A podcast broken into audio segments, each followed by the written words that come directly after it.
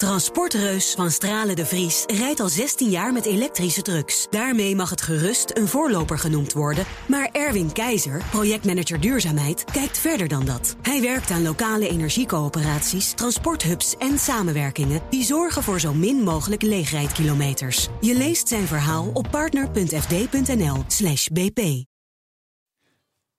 Elke twee weken kijken we in zaken doen naar mislukkingen en wat we daarvan kunnen leren. Dat doen we met Paul Iske, CFO, Chief Failure Officer van het Instituut voor Briljante Mislukkingen. Fijn dat je er weer bent. Ja, hi Meindert. En waar gaan we het vandaag over hebben? Nou, ik kon het toch niet laten. Het gaat nu even over dat uh, loos alarm vorige Ah. week. uh, van de, dat kapingsalarm, Ja. wat uiteindelijk geen kaping bleek te zijn.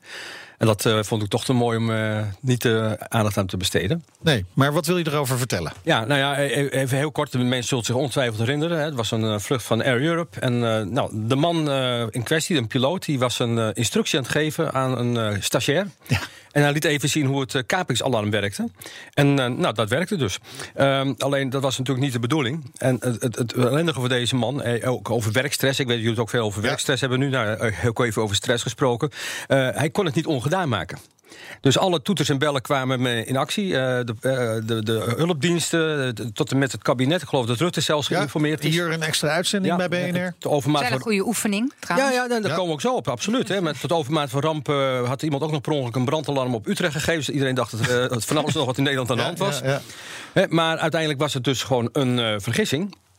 Het is wel aardig, dit soort vergissingen worden wel vaker gemaakt. In januari vorig jaar, 2018, was er ook iemand die het uh, missile warning systeem in, Op Hawaii uh, op Hawaii dat, ja. opereerde. En, en daar heb je twee knopjes, uh, zo gezegd. Eentje staat voor test dit systeem en de andere activeer het systeem.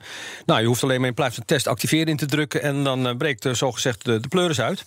En, en heel Hawaii stond op zijn kop. En het is wel interessant hoe daarmee omgegaan is uiteindelijk. Want die man heeft dus een andere baan gekregen. Om het zachtjes uit te drukken. En, en deze meneer van Air Europe, ja, dat, is toch, uh, dat vind ik toch interessant. Uh, hoe, hè, want ik, ik run ook een conceptje dat heet Eerste Hulp bij Mislukkingen. Ja. Uh, en dat was hier dus wel nodig, want dit was wel een mislukking. En eigenlijk is hier alles goed gegaan. Kijk, ten eerste is men heel goed gaan reageren op dat kapingsalarm, zoals het moest. Dus als er werkelijk eens een keer iets optreedt, dan weten we in ieder geval dat werkt dus. Ja. Dus dat hebben we geleerd. Mooie oefening wat dat betreft. En daarnaast, ja, uh, op zich wel geestig. Die man ging presteren het om de afloop het, ja, zijn, zijn, zijn bezoekers, zijn, zijn reizigers toe te spreken. En hij eindigde met de boodschap: dank, uh, Thank you for flying with uh, Air Europe. Ja. Dus, uh, Terwijl ze nog geen meter gevlogen hadden. Nee, nee, en, en, en sterker nog, uren aan de grond gestaan. Het, het, en, en, enorm. Maar wat ik hier wel uit vind spreken is, we hadden het net over stress. Hier is op een goede manier mee omgegaan. Kijk, die man doet dit natuurlijk niet expres. Nee. He, uh, die wil gewoon iets uitleggen en hij doet iets onhandigs. En uh, ja, dan wordt er op een goede manier gereageerd. Zowel dus in de, uh, wordt gereageerd op, de, ja, op, op het mogelijke alarmsignaal, maar ook achteraf Ja. is ook gezegd: we gaan niet Air Europe een rekening sturen. Die man kan gewoon op zijn post blijven. Oké. Die was niet dronken, die was niet crimineel. Die maakt gewoon een foutje. Maakt een foutje, En als ja. we da- dat is wat we eigenlijk toch het belangrijkste dat we hier kunnen leren. Hoe ga je met zoiets om? Achteraf, om ervoor te zorgen dat je dus wel de, kijk, de faalkosten hebben we hier. Hè. We hebben natuurlijk wat schade Ja, gehad. ja. Maar dat je de faalopbrengsten Oké, maximaal. maar, maar dat is interessant, hè? want je noemde dat voorbeeld van Hawaii. Dan weet ik dat ze daar hebben ze dus een, een, een tweede persoon erbij gezet, Ja, zodat je nooit meer in je eentje verantwoordelijk kunt zijn voor die knop. Maar met zo'n kaping kan dat natuurlijk Nee, niet. maar, maar weet, weet je, een Dan wil je juist dat één iemand dat moet kunnen doen. Klopt, dus, dus eh, ik weet ook niet wat ze kunnen veranderen en of ze dat überhaupt van plan zijn. Maar één interessant aspect is ook het herroepen. Hè? Dus eh, nu is het per Hawaii mogelijk om te zeggen: nee, jongens, dat klopt niet. Nee. Nou, dan snap ik wel dat je eh, moet oppassen dat je niet onder dwang eh, gedwongen wordt te zeggen: het is niet waar. Maar je zou toch op een intelligentere manier kunnen nagaan: klopt Ja, dit ja. verhaal nou? Er zit ook een, een toestel vol met passagiers die allemaal twitteren: "W- wat is er aan? We we weten helemaal niet wat er aan is, want we, zien helemaal niks.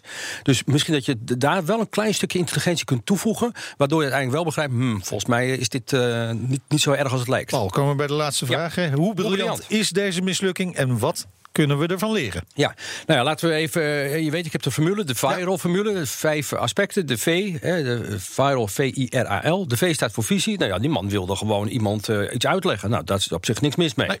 Dus daar kan je wel een redelijk cijfer voor. Eh, ik denk dat hij ook wel erg enthousiast bezig was. Kan ik me zo maar voorstellen. Hè. Dus, dus ja.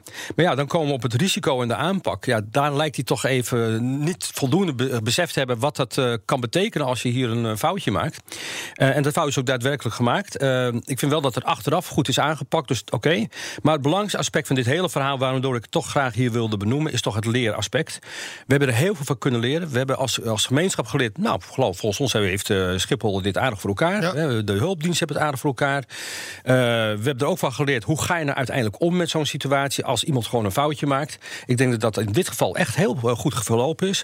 Dus dat krikt het cijfer weer op. Ja, kijk, ik kan natuurlijk niet roepen dat dit een geweldige actief, actie is. Nee. Maar een, een zware onvoldoende is het niet. Dus ik een vijfje, een zesje. Dus, dus ik denk dat we er blij mee moeten zijn. En dat we vooral blij moeten zijn dat er geen kaping was. Nou, blijf fouten maken, zou ik zeggen. Absoluut. Paul Iske, CFO, Chief Failure Officer van het Instituut voor Briljante Mislukkingen. Transportreus van Stralen de Vries rijdt al 16 jaar met elektrische trucks. Daarmee mag het gerust een voorloper genoemd worden. Maar Erwin Keizer, projectmanager duurzaamheid, kijkt verder dan dat. Hij werkt aan lokale energiecoöperaties, transporthubs en samenwerkingen die zorgen voor zo min mogelijk leegrijdkilometers. Je leest zijn verhaal op partner.fd.nl/bp.